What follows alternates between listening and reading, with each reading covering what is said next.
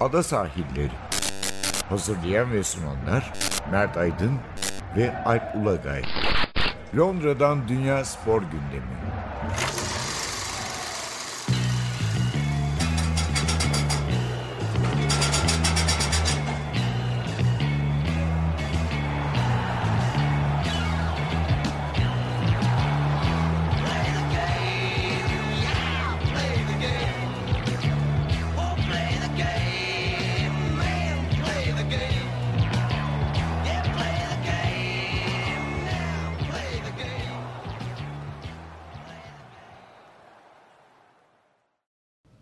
Sahillerinden merhabalar. Ben Alp Ulagay. Ben Mert Aydın. Ee, bir bölümle daha birlikteyiz. 51. bölüme geldik Ada sahillerinde. Bugün e, ne var gündemimizde? E, futbolda Premier Lig var. Eğlenceli, bol gollü bir haftayı geride bıraktık. Özellikle bir, takım Bir de sen onu Watford'da falan sor. Watford'da ya. sor. Ee, Premier Lig bölümünü konuşacağız. İkinci bölüm böyle karma bir bölüm yapacağız. Bu FIFA yılın en iyileri ödül töreni dündü. Biraz ondan bahsedeceğiz. Ee, Rugby Dünya Kupası başladı. Kısaca böyle bir başlangıca değineceğiz. Zaten Kasım başına kadar devam ediyor Dünya Kupası. Ee, ona bir bakacağız. İlk maçlar oynandı çünkü. Ee, Cuma günü de Dünya Atletizm Şampiyonası Evet Doğa'da başlıyor. Katar'da Dünya Atletizm Şampiyonası başlıyor. Onun öncesinde e, bir kısa değerlendirme yapacağız. Önce Premier Lig'le gelelim. Premier Lig'de 6. hafta maçları oynandı. Aslında haftanın maçı Chelsea-Liverpool maçıydı. Yani ad olarak en Evet, Çok- yani pazar günü şöyle bir ilginç bir durum oldu. Hatta ben de bununla ilgili tweet attım. Londra'da 4 maç birden vardı. evet. Pazar günü. Ee, herhalde ikişer saat farkla e, önce West Ham United, Manchester United, Crystal Palace, Wolverhampton maçları. Üzerine de Chelsea, Liverpool, Arsenal, Aston Villa. İlk maçlar 3'teydi, öbürleri 4.30'daydı. Ee, Ve ilginç yani Londra'nın güneyi, doğusu, kuzeyi, batısı dört tarafında 4 maç. Yani aklıma şey geldi. Ee, biliyorsun İstanbul'da valilik, emniyet harika bir işgüzarlık örneği göstererek aynen İstanbul'da iki maç olmaz. Böyle ezberlikleri bir şey var. Yani en basit trafiği açamayan kurum zaten iki maç oynatmasını beklemek e, hayalcilik olurdu. Ama bir sorun olduğunu zannetmiyorum. Yani ben Arsenal maçındaydım. Dönerken Chelsea'lerle karşılaştık. Biraz üzünlü. E, işte ikişer saat Ama dört tane maç. En çok konuşulan maç bir gün önce Manchester City ile Watford arasında oynanan maç oldu. Yani en çok beklenen maçtan daha o fazla. bir de yani Leicester Tottenham maçı bence onlar Ta- daha tabii geçti ama yani hani, e, Manchester City Watford maçı oynanan oyun işte maçın daha başında 5-0 oluşu hani başı derken gerçekten başında 18. dakikada 5-0 oldu. 18 dakika. O hesapla Ama zaten maçtan sonra e, Watford kalecisi Foster şey dedi. Yani bir an kriket skoru olacak. Hani bak rugby'de değil kriket İngiliz skoru şey. olacak tabii. Türkiye'de ne deriz biz? Su topu handball falan dersin. Ya hani şey de değil çünkü krikette 270'lere falan 170'lere falan ulaşıyor ya o yüzden. Hani rugby bile değil hani rugby'de 20'ler 30'lar oluyor. Ee, öyle korktum dedi yani. Ve de bu e, Agüero'nun sadece bir penaltıdan bir gol attı ve inanılmaz fırsatları harcadığı bir maçta oluyor. 3 tane direkten dönen top var galiba değil mi o maçta? Evet, Sterling o hiç oynamadı. Oyuna girmedi ve mutsuzdu bu yüzden. Çünkü işte hani birkaç gol atabileceği belki e, Bernardo Silva hat-trick yaptı. onun günüydü. 28 şut atmışlar. 11 isabetli direkler hariç tabii bunun içinde. Evet. Bir de hani böyle ıskale 11'in becerisiyle 8'i kaçıp- gol oldu. kaçanlar var. İlk zaten 4 pozisyon 4'ü gol oldu galiba. Doğru. Doğru. Çok feci bir gün Watford için. City hem geçen haftaki yenilginin öcünü almış oldu. e, Hem de e, geçen yılki kupa finalinin e, 6-0. iki, iki üstüne çıktı yani 6-0'dı Watford'da evet. Yani Şu Watford'un ikişer çektiği şu City'den.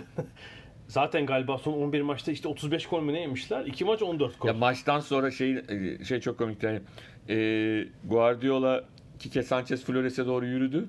Birbirlerine sarıldılar. Ha. Yani bir şey dedi ama özür dilemiş olabilir e, şey ne derler. Guardiola Kike Sanchez Flores'ten Kusura bakma canım. Real'deyken bize 5 atmıştınız al falan. Ee, yani City'nin tabii böyle bir potansiyeli olduğunu işte zaman zaman Var ama işte he. belli maçlarda hani çok pozisyon bulup atamadığını falan görüyoruz. Hani mesela 3'te 4'te kalıyorlar. Bu sefer 5 ile başlayınca gerçekten ikinci yarı başında da 6 geldi. Yani 40 ilk yarı falan var, 40 ilk yarıdan çift tanelere ulaşacak mı diye insanlar sormaya başladılar. Öyle bir yani ilk yarıyı tabi bu arada bütün bunlar arasında aslında bir oyuncunun hakkını yiyoruz.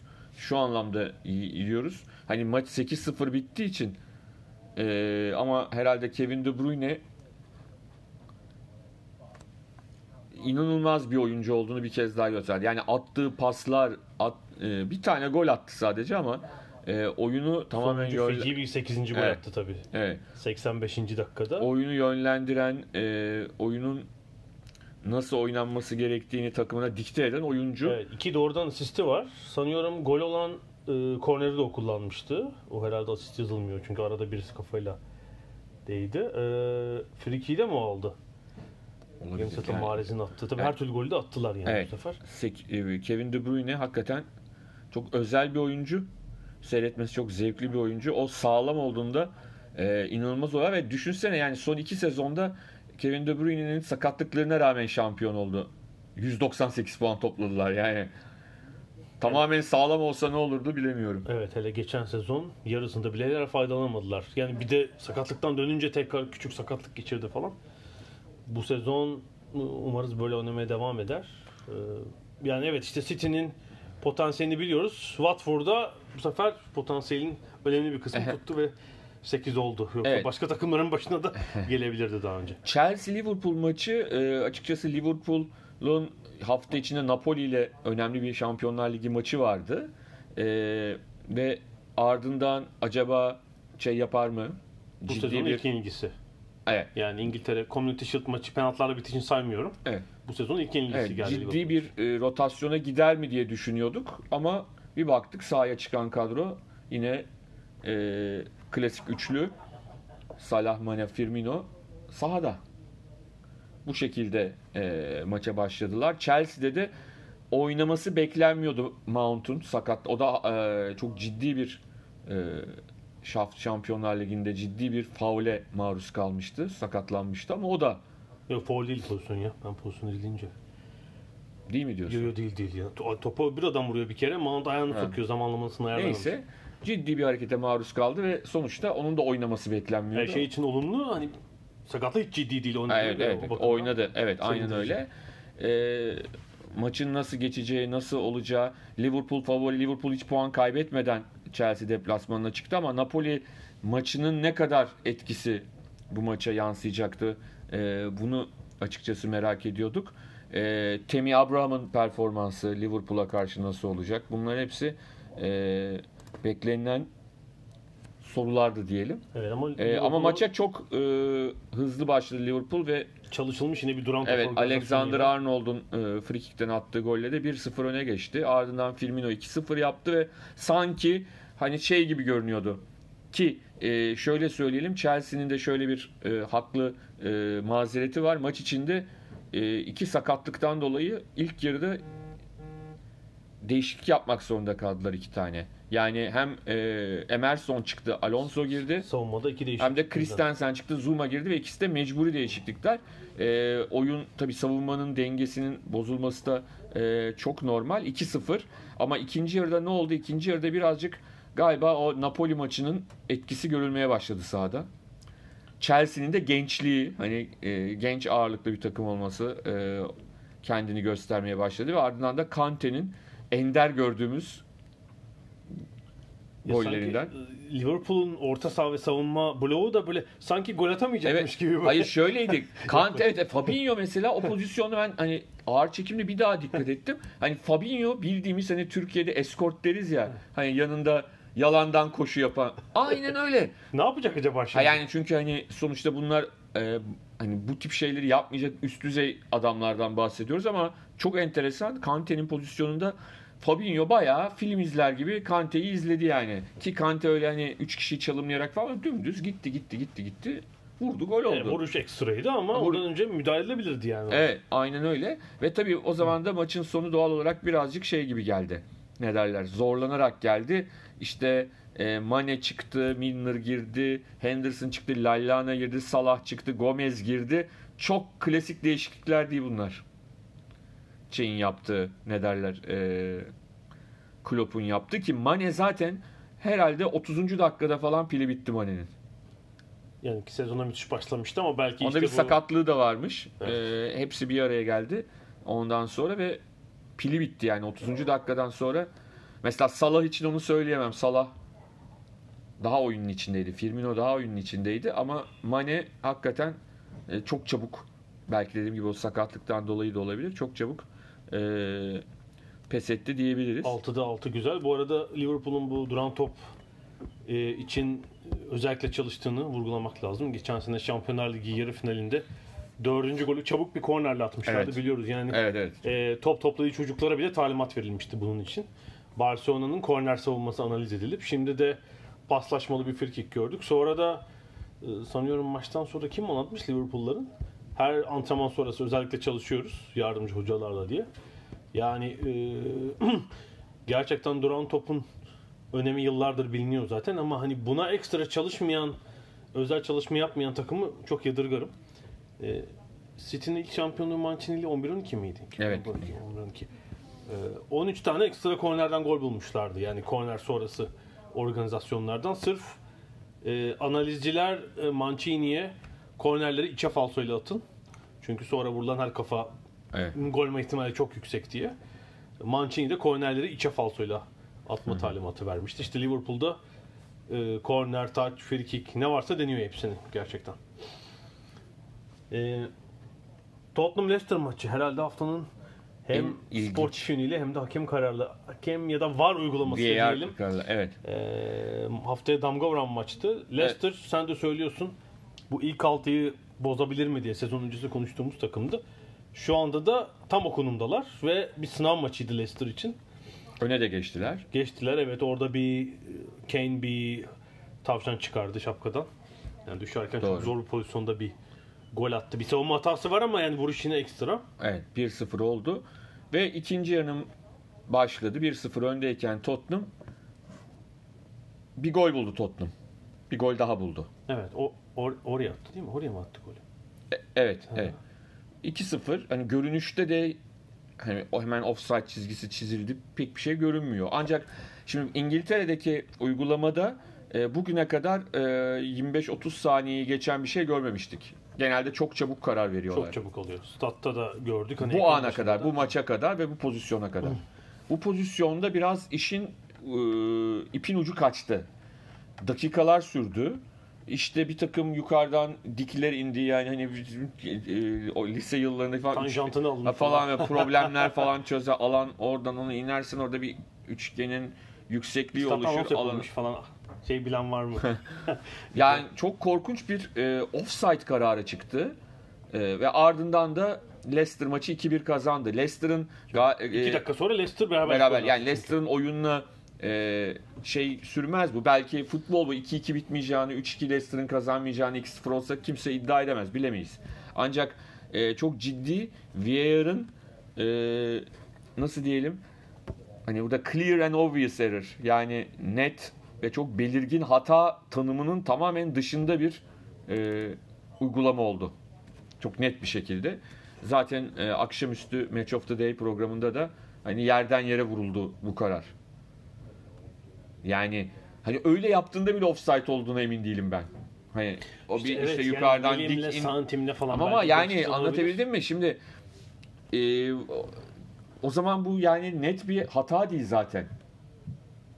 Yani o işin suyunu çıkardılar ve bu çok ciddi şekilde eleştirildi ve maçın da kaderini etkiledi. Yani bu kadar var olunca işin içine girince offside'ı inceleyecek yapacak bir şey Ama yok. işte bu şekilde incele, incelenir mi yoksa yani çünkü bu bile tatmin edici değil ki yani o gösterdiğiyle biz emin değil ben yine emin değilim gerçekten offside var mı yok mu? Bir de şeyi nereye koyacaksın işte topun Evet evet. topa temas anını nasıl alacaksın değil mi? Aynen Yani öyle. Aynen öyle. Hatta e, şey de aynen ona değindi. Tim Cahill ilk yorumculuğundaydı. Saniyenin Evet. %3'ü geriye alsan başka türlü bir belki Evet. çizgi olacak. Evet, o da Çok ince bir karar. İlk yorumcu performansını gösterdi o gün. E, Avustralyalı futbolcu, eski futbolcu. Bir hafta daha çıkmadı mı ya? İlk değil. Bir daha çıktı. İyi, fena değil. Fena da bulmadım. Şey ilk dedi. He, öyle mi? Lineker bilmiyorum. Ben hani öncekini görmediğim için bir şey diyemeyeceğim. Ee, fena tabii tabii. O da özellikle yani bu offside şeylerinde pozisyonlarında özellikle hani adamın ayağından çıktığı anı nasıl doğru tespit edeceğinin biraz şüpheli olduğunu özellikle altını çizdi. Ondan sonra Lineker şöyle bir espri yaptı. Oradan ilk olduğunu düşündüm. Ee, belki bir yerlerde çıkıp bir şey söylemiştir de şöyle oldu. Ee, 8-0'lık maçın özetinden sonra işte hani Ma- e, Guardiola biraz şeylere e, yorumculara geçen haftaki yenilgiden sonra konuşan yorumculara hafif bir gönderme yaptı. E, Lineker de tabii ki bu sadece 10 dakikadır burada olan Tim Cahill için değildir. Senle ilgilidir Alan diyerek Alan Shearer'a döndü. Yani hani Yo bir, so- bir öncekinde de şey dedi işte Cale'ın attığı golü söyleyip tabii Shearer'dan şu kadar az falan demişti de o yüzden. Ha, olabilir. Ben de hatırlıyorum. belki de bir şey yaptı bilemiyorum. Genelde Shearer sabit oluyor. Yanında Ki değişiyor. Pazar bir de pazar günü başka iki kişi oluyor Tabii, tabii. falan evet. Evet. O 7-8 kişiyi döndürüyorlar. Crouch çıktı değil mi? Crouch'u bir kere gördüm. Doğru, Evet şey çıkıyor. Ian Wright zaten. Yani onda harika ikili ya. Wright'la her seferinde dalga geçiyor. Her seferinde onunla ilgili bir espri yapmadan Tabii, tabii. başlayamıyor. O da zaten kıkır kıkır güldüğü için hani o da zaten Çok. şey ne derler. Çok bir tatlı. espri yapılsın diye bekliyor Tabii tabii Zaten. Yaramaz çocuk. Yaramaz çocuk gerçekten. O da sinirlenince komik Ee, oluyor. Tottenham'la ilgili bir Evet. not. Bu ıı, İsviçre'deki futbol ıı, gözlemevi diyeyim. Ee, CS Bilim adamları. Evet hakikaten. İsviçreli bilim adamları işte haftalık aylık rapor yayınlıyorlar. Ee, ilginçtir.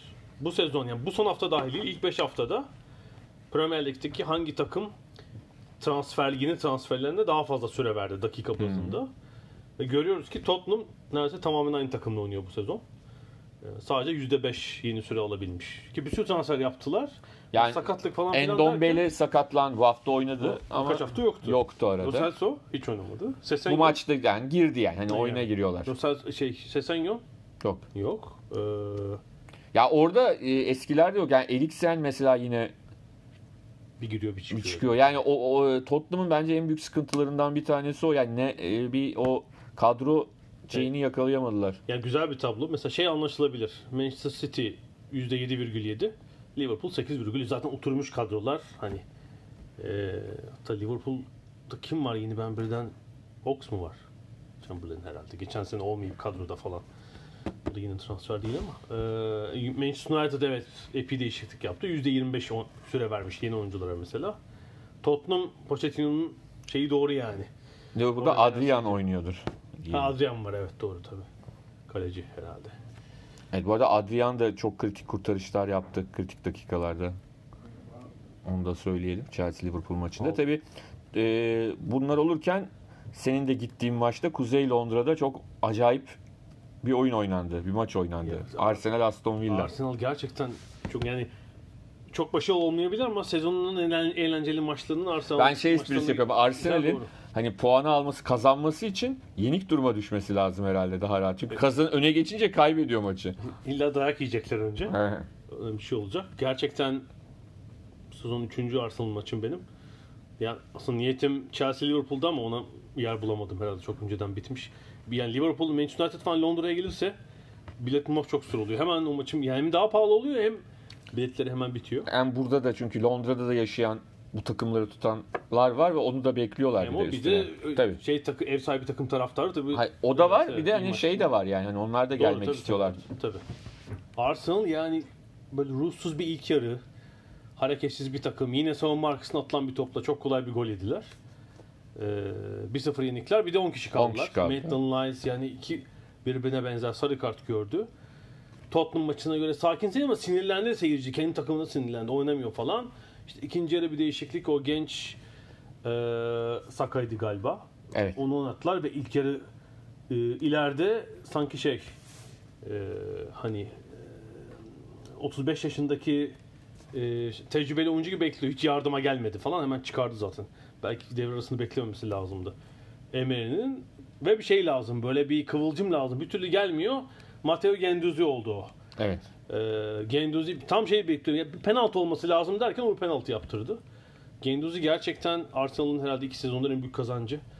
E, kat edilen mesafeleri görmüyoruz. Hani koşu mesafesini ama herhalde böyle 13-13 koşuyor olabilir Genduzi ve Fransa milli takımına da girmeye başladı. Yani 20 yaşında e, daha da iyi olacak belli ki o. Ama hemen üzerine gol yediler. E, sonra maçın sonu tekrar bir, e, yani bir o baskıyı son 20 dakikada yapmaya başladı Arsenal. Yani e, geç kaldılar. Tottenham maçı da böyleydi. Yani maçın başında acaba maça böyle hızlı girmek taktik değil anca iş sıkışınca mı oluyor? Yani zorla mı bunda olması lazım? E, Çok anlıyor değilim. Halbuki bir erken baskı mesela şeyden savunmaya güvenmiyor Emery muhtemelen. Evet. O savunmanın göbeğindeki ikiliye E, güvenmiyorsa niye onlar oynuyor mesela? Niye başkaları gelmiyor? Niye ba- onlar oynuyor? Onu da anlamadım. Yani David Luiz güven veren bir oyuncu değil. Ee, adam kaçırıp duruyor. E, Sokratis pek öyle. Yani Chambers'ı belki deneyip bilmiyorum ama yani baskının hep böyle 20 dakika sonlara kalması çok ilginç gerçekten. İşte Chambers'ın bir tesadüfi golü geldi. Ee, sonra da e, Aubameyang e, ve zorlukla gelen 3-2'lik bir galibiyet. Yani Arsenal Evet. çok umut vermiyor. Hep böyle ite kakalanan galibiyetler. Ama bence onlardan daha ümit vermeyen bir takım daha var. Manchester United. Yani West Ham karşısında yine e, yokları oynadılar. Yani e, Geçen seneki West Ham maçını hatırlıyor musun? Böyle eze eze 3-1 yenmişti Evet, West evet. Ham ve Evet. Mourinho'nun böyle ilk koltuğunun şey olduğu maç yani Evet. çok oyun olarak da ezilmişler. Ole Gunnar Solskjaer için yavaş yavaş artık Alarm zilleri. alarm zilleri çalmaya başladı. İngiltere standartlarında bile hani her şeyin daha geç olduğu, daha e, zor olduğu İngiltere standartları için bile Evet. e, ciddi derecede. Yani işte şeyin elinde Chelsea'nin bahanesi var. Tabii. Mazereti var. Gençler var diyor. Bir Bir, geçiş sezonu o. Diyor. Chelsea için onu göze alabilir. Mi? Şimdi Arsenal de sıkıntıda ama Arsenal işte arada öyle maçlar kazanıyor. Kendini yeniden yine bir şekilde oralarda tutuyor. Manchester United'ın e, durumu çok sağlıklı değil. Ve o meşhur Paris Saint Germain maçı 3-1. Evet. Bir temlik penaltısıyla mı bitmişti değil mi? Yani şey oldu. Penaltı oldu ve maç bitti değil mi? Evet. Varla kazanan. O, pen- o maçtan sonraki işte kaç maç? 18 mi 19 maç mı? 3 galibiyet mi ne var? Evet. Yani lig kupa karışık Şampiyonlar Ligi. Son derece düşen bir grafik var. Böyle bir cicim ayları yaşandı. Evet. 3 ay falan. Ki bu Ondan maçta sonra- da Rashford sakatlandı. Hatta şey esprisi dönüyordu Twitter'da da e, İngiliz spor yazarları arasında. E, gole ihtiyacı var. 1-0 mağlup durumda Manchester United ve şu anda sahadaki yani şey çıkınca Rashford çıkınca sahada olan 11'in 2019 yılında topu hepsinin birden attığı gol sayısı sadece 10. Mesela onun 3'ü fan Bissaka falan. Falan. Olabilir yani. Ha, bir de şey bir kısmı da Manchester formasıyla değil zaten. Değil tabii. Ondan sonra yani e, hakikaten hakikaten büyük bir e, sorun olduğunu söylememiz gerekiyor Manchester United tarafında. E, West Ham'da sezona aslında çok e, biraz talihsiz fikstürle başladılar ama ondan sonra toparladıklarını söyleyebiliriz. Yani 5-0'dı değil mi o ilk maç? evet evet. Kendi sahalarında City maçı. Evet. Yani ondan sonra toparladı. Bir daha yenilgi almadılar zaten. 5 Üç maç gal- 11 puan. Sonraki 5 maç Evet, evet. iyi. Ee, o yüzden de onlar da bir anda hani Tottenham'ın, United'ın, Chelsea'nin geride olduğu bir e, ilk 6 hafta sonunda kendilerini ilk 5'in içine soktular. Yani ne kadar kalırlar kalamazlar ayrı mesele ama hani başlarında sonuçta Premier Lig kazanmış bir hoca var. Ee, ellerinde de bence fena olmayan bir kadro var. Oyuncu potansiyeli zaten iyi ama işte şey e, takım bölünüyor yani. Ben West Ham'ı geçen sene izlemiştim. Böyle bir zayıf takımı sıkıştırdıklarında çok iyi oyuncular var. İşte Lanzini'si, e, Felipe Anderson'u, şimdi Yarmolenko da var. Aller'i aldılar. Haller de çok iyi. Evet. Ee, ama şey değil, istikrarlı değil takım. Evet. Çok sık rotasyon oluyor falan. Ee, yani Noble Rice o göbeği korurlarsa e, Aller'den de verim almayı biraz daha ileride sürdürürlerse bir ilk altı adıyla West Ham olabilir. Altı olmasa bile hani yedincilik Avrupa için. Bu arada tabii şunu da söyleyelim. E, yine üstlerde çok iyi başlangıç yapan takımlardan biri de Bournemouth. Yani her sene başında acaba Bournemouth bu sene düşecek mi diyoruz. o sene bu sene mi? mi ama e, hep de iyi başlangıç yapıyor. Yani özellikleri o. Geçen yıl mesela çok kötü bir ikinci yarı geçirdiler. Ama ilk bölümü o kadar iyi geçirdiler ki o puan kayıplarına rağmen sıkıntı yaşamadan sezonu bitirdiler. Bu sene çok iyi başladılar. Yine öyle Bournemouth, Bour- Bournemouth için ve üstelik hani şey yok ellerinde Leicester'daki kadro yok, West Ham'daki Yok, kadro yok. yok. Onu söylemek lazım. Eddie Howe orada büyük iş yapıyor gerçekten. Yani Eddie, Eddie Howe'ın e, Hani e, şey esprisi vardır ya eskiden boksta 20. yüzyılın başında büyük beyaz umut. Yani burada İngilizlerin İngiliz hoca çıkarma hani Evet. Lampard Mampard derken Evo Eddie Howe olabilir yani. Ee, bir fikstür şansları var. Yani ilk 6 haftada büyüklerden biriyle oynamışlar. Sadece iç sahadaki City maçı var. Ee, şimdi West Ham dep Arsenal'a gidecekler. Yine fena bir fikstür yok aslında. Arsenal önünde bir yenik duruma düşerlerse maçı alırlar. Evet. Ama öne geçerlerse gitti o maç. gitti o maç. Bournemouth da ileriden. Ee, ve Solskjaer gibi hmm, görevi riskli olan bir hoca da herhalde şey Mario Silva. Zaten ben de ona gelecektim. evet, Çünkü evet. Silva yani bir hafta ah tamam Everton oluyor diyorsun. Sonra öbür hafta öyle bir maç oynuyorlar ki ı-ı. yani e, bu hafta da Sheffield United'a evlerinde yenildiler. Yani hani şimdi mesela önümüzdeki hafta sonunda City ile oynayacaklar evlerinde. Hani City'ye yenilirsin.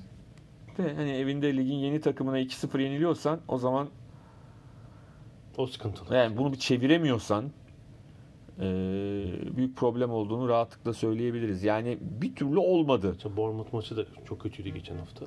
Bir türlü olmuyor yani. Ya Bir türlü olmuyor. Yani çünkü verilen malzeme de iyi ve bir önceki sezon sezon ortası gelmişti değil mi? Evet. Geçen sezon full bir sezon. Bu yani işte üçüncü tam sezon değil ama iki buçuk sezon. Yani şöyle diyeyim şimdi bir de şöyle bir avantajı vardı.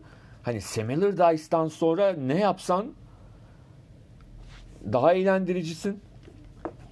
Ne kazansan Ay yok, daha yazın geldi iyisin. O zaman önün sezon ortası gelmedi.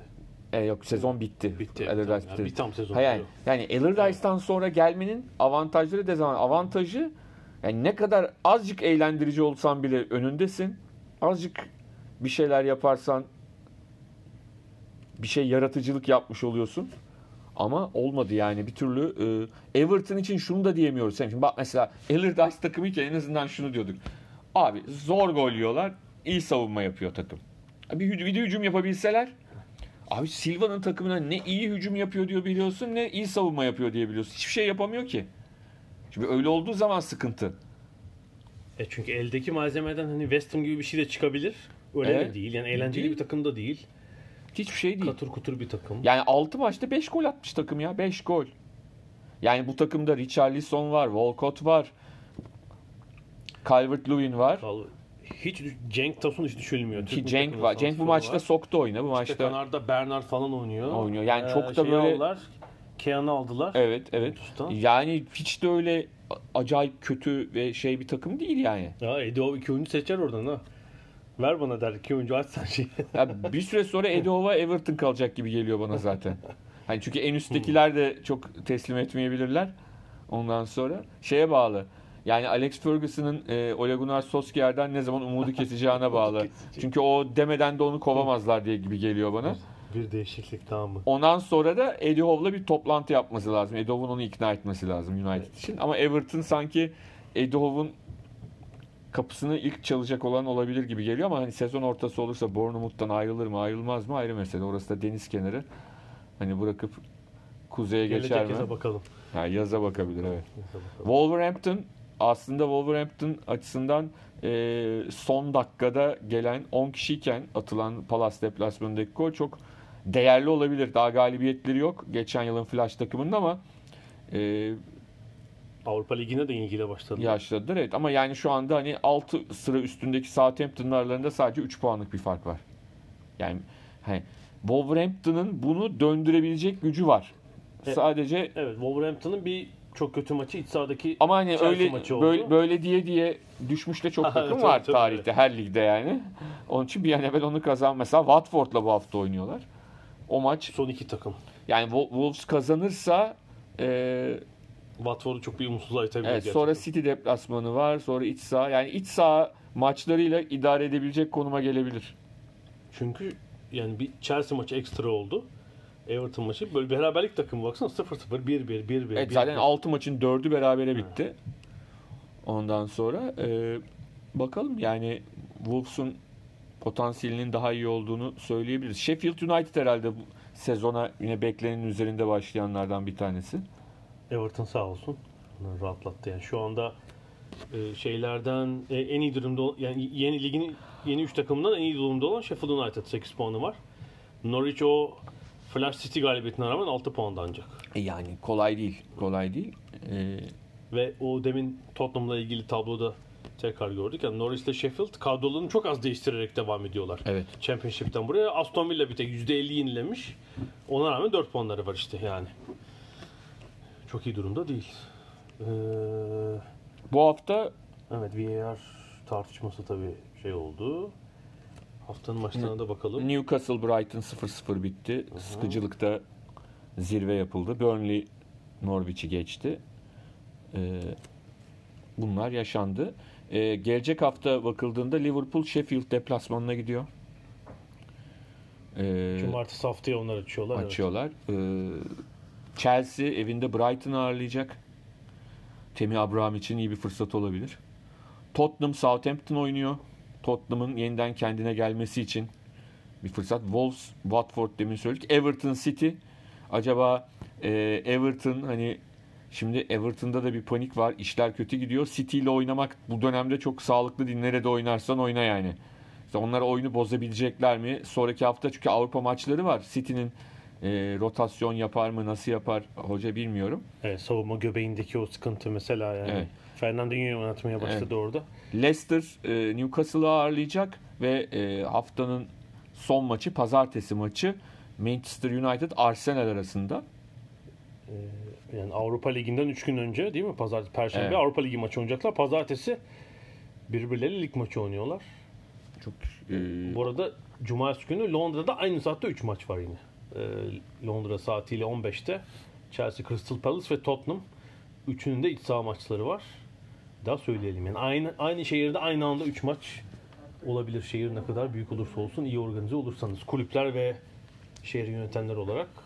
E, puan durumunda da Liverpool 6'da 6 yaptı. Herhalde 5 puanlık bir üstünlüğü var. Evet. Uzun bir aradan sonra sanıyorum eee, evet geçen sezon olduğu gibi daha doğrusu geçen sezonda 6'da 6 yapmışlardı.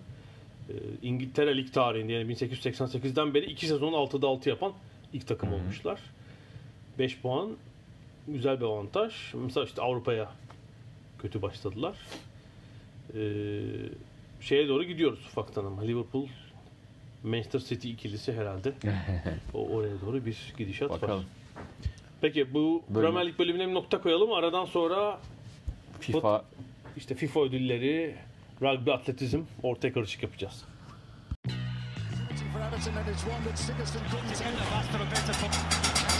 Ada sahilleri. Londra'dan Dünya Spor Gündemi.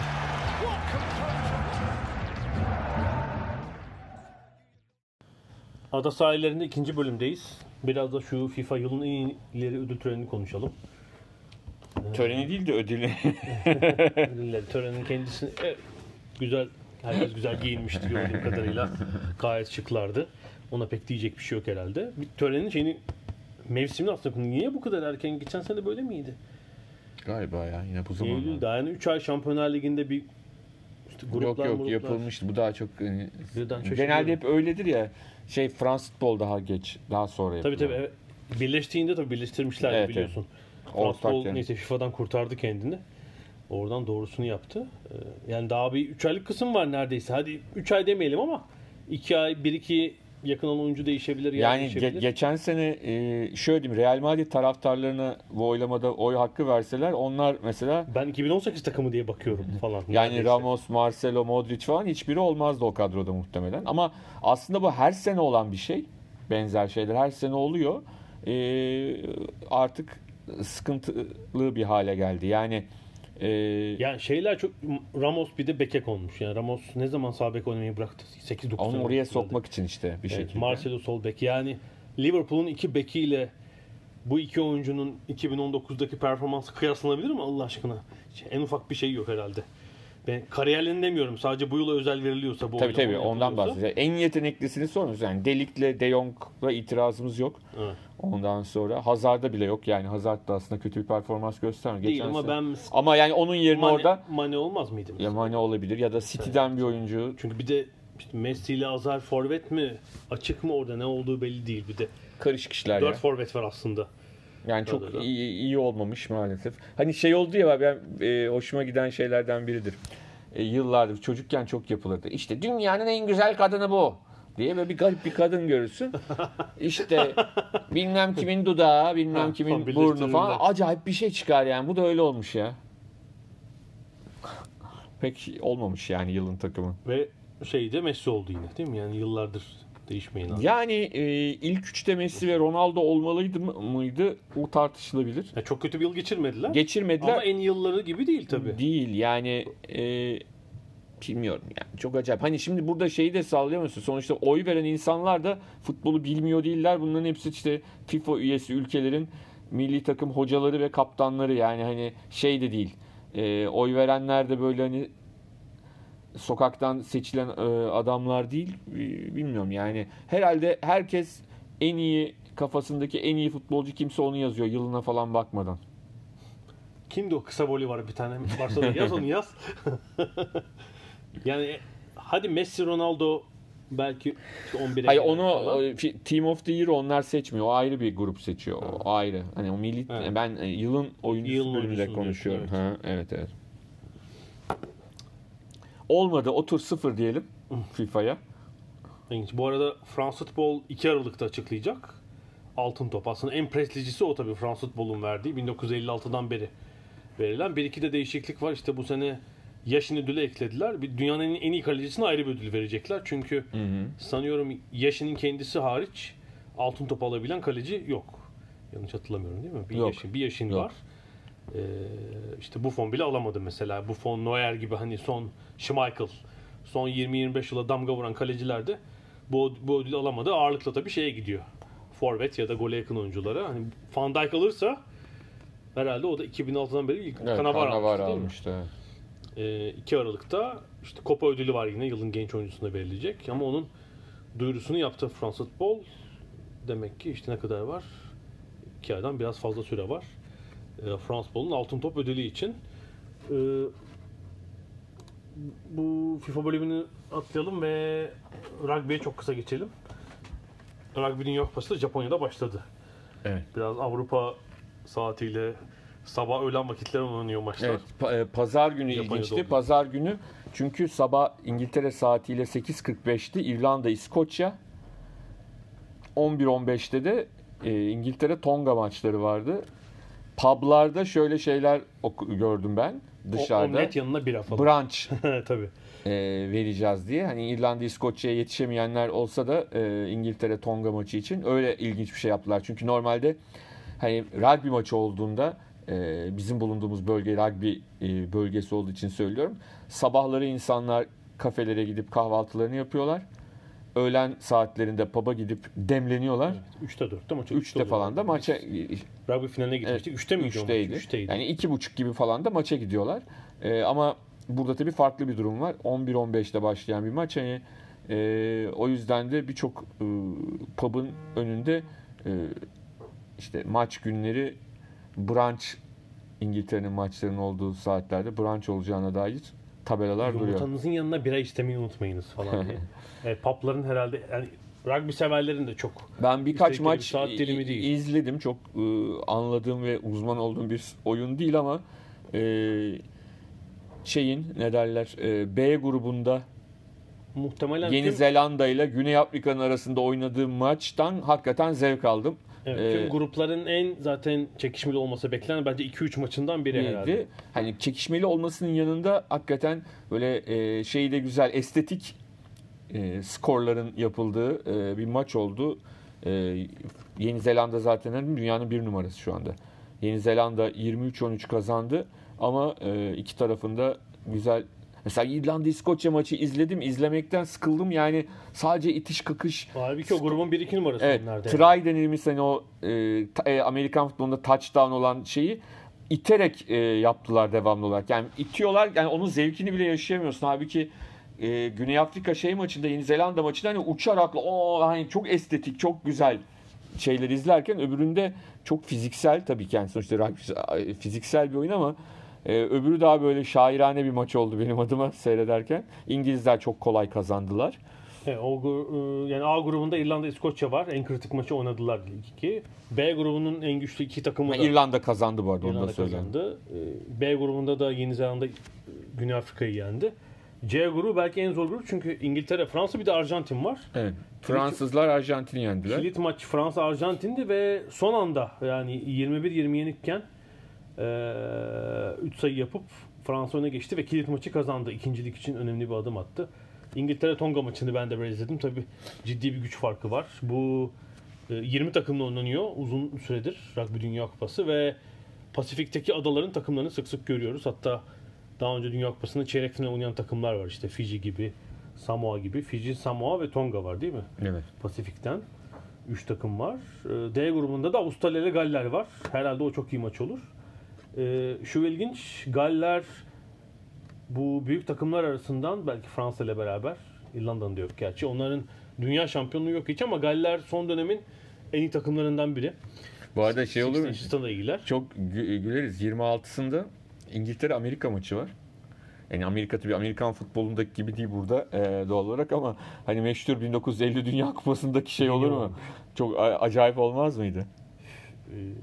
Çok farklı ilgi aldıklarını hatırlıyorum Amerikalıların böyle. Ya muhtemelen zaten öyle olurdu ama yani hani e, işi biraz daha güzelleştirme Ee. Şey ilginç, e, Galler milli takımı bu Japonya'daki iklime uy- uyum sağlamak için Ağustos ayının son 10 günü Antalya'da kamp yaptı. Gloria var ya, Evet. 10 günlük kamp yaptılar. 35-40 derecede. Bilhassa Wayne Gatland oraya götürmüş Gloria'yı keşfedince. E, ve günde 3 idman. Yani Japonya'daki o herhalde bu mevsim şey midir böyle bir yarı tropik iklim var bilmiyorum. E, şartlara uyum sağlamak için özellikle götürüyorum demiş. Bir 10 günü 9-10 günü e, Türkiye'de geçirmişler Antalya'da. E, bilmiyorum onun faydası var. Dün hani dişli gözüyle bakabileceğimiz Gürcistan'ı çok rahat yendiler. Galiba ilk yarıdan 27-0'dı maç.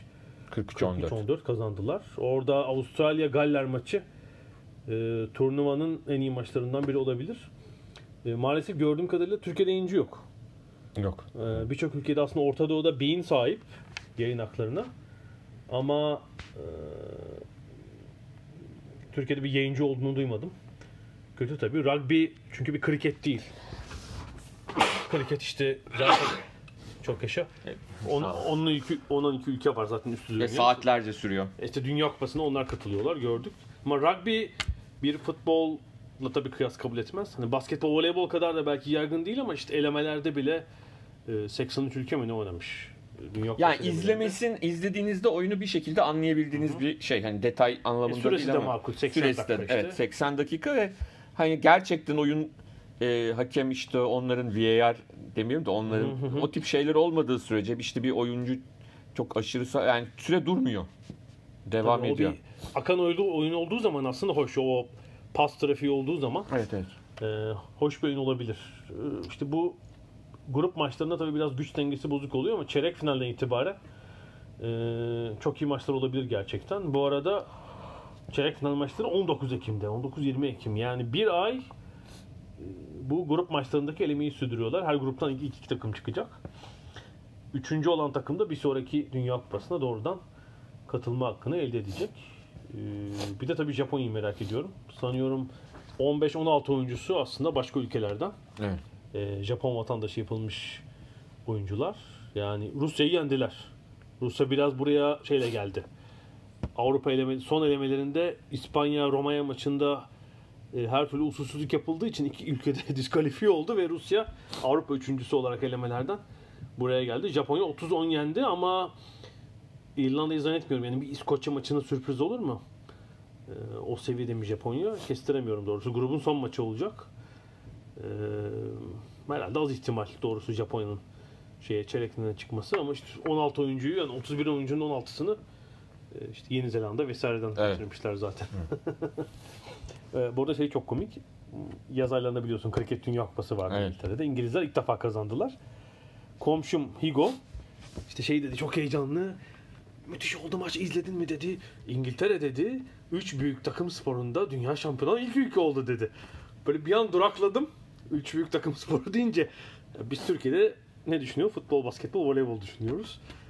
Ha sonra bir uyandım tabii. Kriket, rugby ve futbolu kastediyormuş. sonra meraktan baktım. Ee, erkekler ya da kadınlarda gerçekten üç büyük takım sporunda şampiyon olan var mı diye. Yani basketbol, futbol, voleybolda. Ee, iki ülke buldum. Biri Brezilya'dır. Ee, Olabilir. erkeklerde Brezilya. Yani voleybol, basketbol, futbolda. Yani kadınlarda da ABD. Üçünde şampiyon olabilen. Yani şeyde değil tabii. Kriket, rugby'de değil. Eh. Evet, Dünya Atletizm Şampiyonası başlıyor Cuma günü Doha'da. Geldi nihayet. Ya bütün yaz atletizm konuştuk ama şampiyon o kadar geç ki normal bir tarihe göre.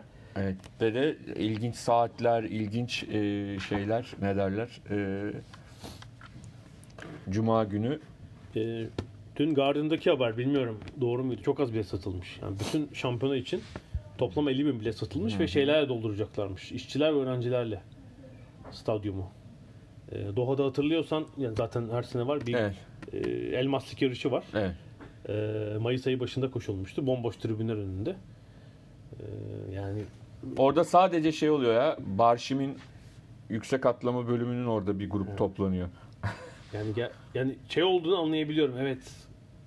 Katar doğal kaynakları özellikle doğalgaz sebebiyle büyük bir zenginliğe sahip ama Dünya Kupası dahil oraya bir büyük etkinlik verilmesini hala, hala anlayabiliyor değilim. Yani belki küçük bir şey olabilir. Ee, parayı basıp alıyorlar belki. Ama garip gerçekten. Yani seyircisi bir spor kültürü. Zaten azıcık bilmiyorum. Katar nüfusuna kadar yerel nüfus 400 800 bin mi? 400 bin mi? Böyle bir şey.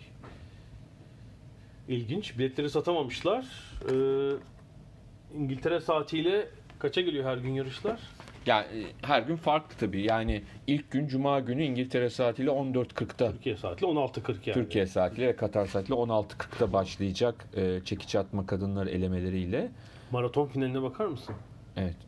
Gece yarısı başlıyor. Gece yarısı. Şeyde, yerel saatle. Yani, e, 23 yerel saatle e, çok ilginç yani hakikaten. 23 Eylül. Ancak o saatte herhalde şey olacak. Çünkü ben Çünkü hani stadın içinde klima var da tabii dışarıda sokakta Aynen klima yok. Öyle. Ramil Guliyev'le konuştum. Atletizm dünyası için bir röportaj yaptım herhalde. Bugün yarın yayınlanır. Ee, o şeyi söyledi. Dedim sen orada koştun Mayıs başı hava nasıldı diye. E, o zaman 30 derece civarıydı. Çok kötü değil dedi ama o şey anlatmışlar ona. Pist çok iyi dedi. Ee, bir havalandırma sistemiyle stat içi e, şeyi sıcaklığı 23 derece civarında tutacaklarmış. Ama maraton için tabii bu söz konusu değil.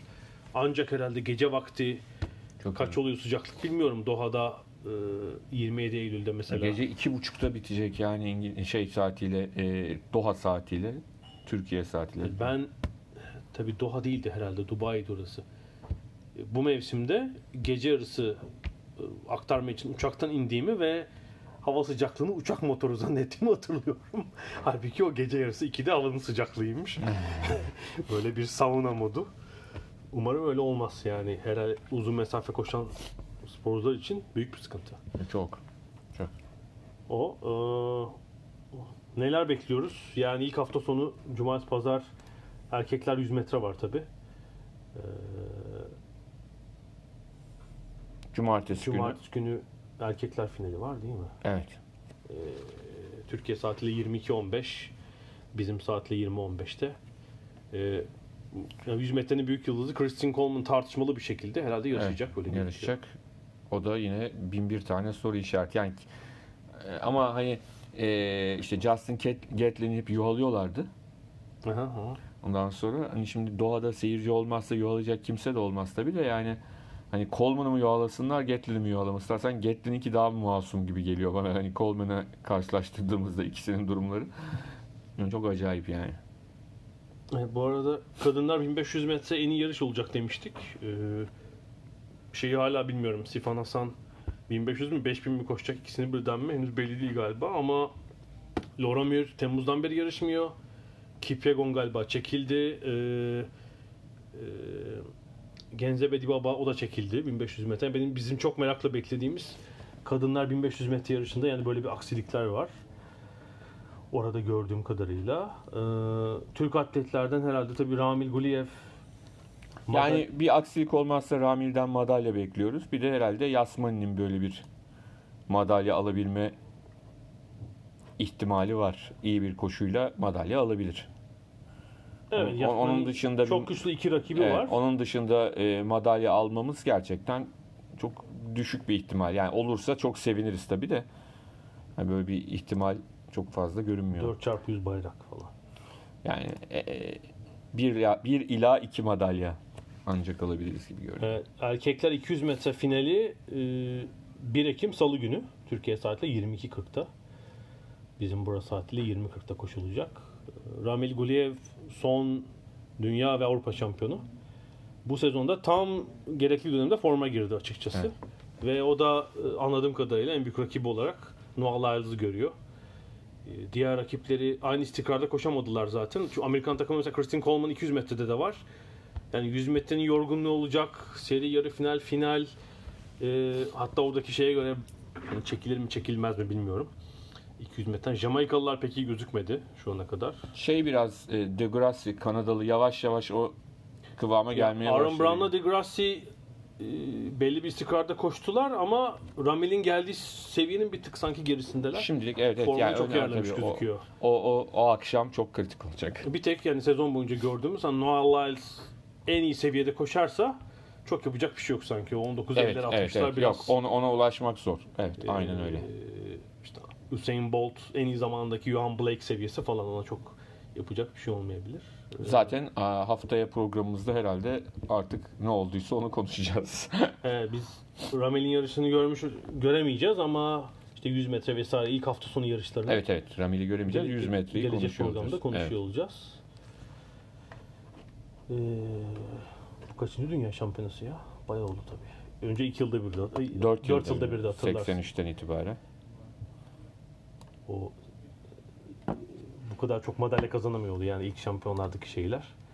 83'ten 91'e kadar. 93'te 2 yılda 1'e geldi. Kaç olmuş? 17. 17. olmuş. Bu 17. Ta- İlk dünya şampiyonasını da birçok iyi hatırlarsın. Hatırlıyorum evet. Helsinki. Bir, bir de şu ilginç. Olimpiyatlar var diye atletizmde hiç dünya şampiyonasının olmaması. Evet. Çünkü şey düşünülmemiş. Atletizmin dünya şampiyonası olimpiyatlar diye düşünülmüş hep. Ve bir ayrı dünya şampiyonası yok. 83 deyince aklıma iki şey kalmış. Yani çocukluktan Aha, aha. net hatırladığım. Birisi Alberto Kova'nın 10.000 metre yarışı. Arkasında Çok şen bir atletçi Fin, ya. Çok Finlandiyalı e, Marty Vainio. Evet. birlikte bir, bir, bir 2000-3000 metre koştular. Sonra klasik e, Alberto Kova'nın e, şeyi deparı e, bıyıklarıyla halkı gülümseyerek selamlaması birinciliği. Sonra Vainio'nun iki ay sonra dopingli çıkıp o ikinciliğinin iptal edilişi. Boşu boşuna orada durmuş.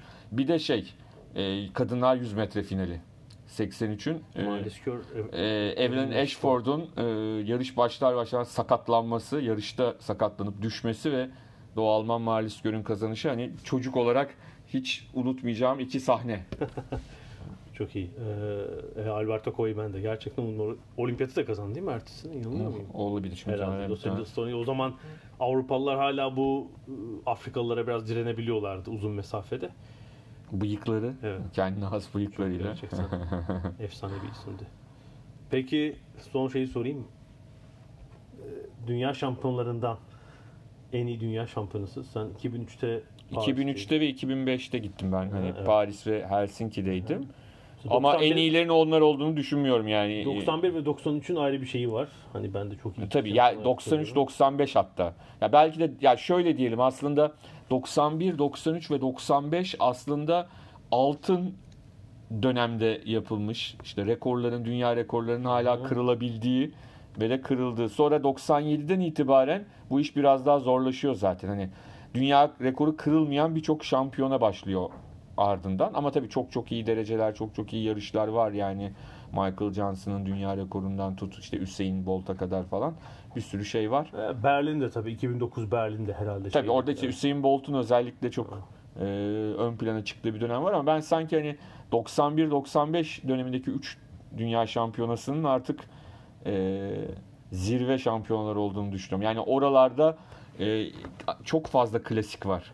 O, o, o üç şampiyonadan. Hepsinde var yani. Hepsinde evet, çok evet, önemli evet. yarışlar var ama o işte e, 91'den e, Mike Powell'ın Sırf o uzun atlama yarışın yani böyle bir atlama serisi herhalde. Yani Böyle bir 93'te rekabet. e, 93'te e, Sally Gunnell'la şeyin ne derler e, Gunnell'ın işte dünya rekoru bilmem 400 nesi. engel dünya rekoru Evet, bir şey. Göteborg'da Colin zaten Jackson'ın, evet. Colin Jackson'la e, Gunnell'ın şeyleri 95'te Jonathan zaten Edwards. Jonathan Edwards var. Hani başka şeyler de var Evet, da evet, evet. yani hani bunlar ön plana çıkıyor. Bence 91 93 ve 95 bana göre bir de şeydi. Yani dolu ve atletizmi bilen seyircinin olduğu Tabii, şampiyonlar. tabii. Yani 93 şey de iyiydi mesela. 87 Roma da çok iyiydi. Aha. Hani o da onda zaten e, Ben Johnson Carl Lewis var. var. E, Stefka Kostadinova'nın hala kırılamayan yüksek atlaması atlama var. var.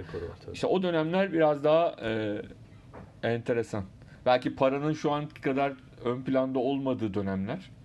E, ama Şöyle yani atletler genel spor ortamına göre çok iyi, üst düzey atletler çok iyi para kazanıyorlardı o zaman. evet evet. Muhtemelen yani bir futbolcu kadar kazanıyor olabilir o zaman ama şimdi herhalde aradaki 1'e 40 falandır. Yani bir futbolun en iyisiyle atletizmin en iyisi Ama arasında. işte o zaman çok böyle şeyler de vardı. Yani daha amatörce yarışanlar da fena sonuçlar almıyorlardı. Atletlerin arasındaki o fark da Evet. şimdiki gibi değildi. Biraz daha farklıydı hayat. Gençtik, güzeldi falan diyormuşum. İstersen kapatalım, yanlış yere doğru gidiyoruz. Peki e, sanıyorum Türkiye'de de yayıncısı TRT 2 olacakmış. TRT 2 değil. TRT, Spor 2. mu oldu? TRT 2 Spor. Hayır, TRT Spor'un ikinci kanalı. Ha öyle mi? TRT 2 Spor. Ha peki. Ya da Spor, nasıl Okey, diyorlar bilmiyorum. Tamam. Ee, yayın, bir yayıncının olması güzel. Yani atletizmde dünya şampiyonası kaçmaz çünkü. Haftaya bu konuyu da konuşacağız. Gelecek haftaya kadar görüşmek üzere diyorum. Hoşçakalın.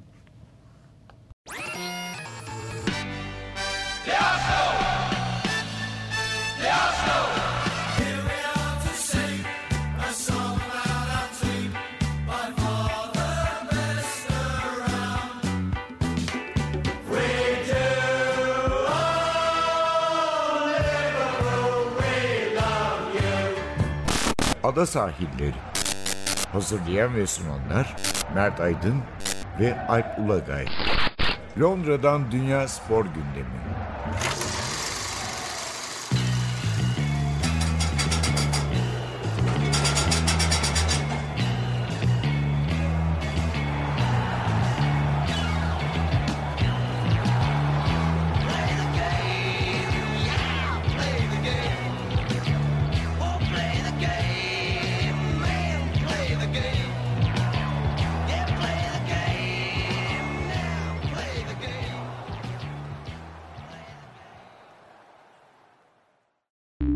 Podcast you just heard was made using Anchor.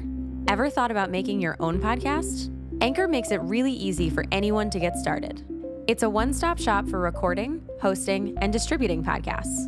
Best of all, it's 100% free. Sign up now at anchor.fm slash new. That's anchor.fm slash new to get started.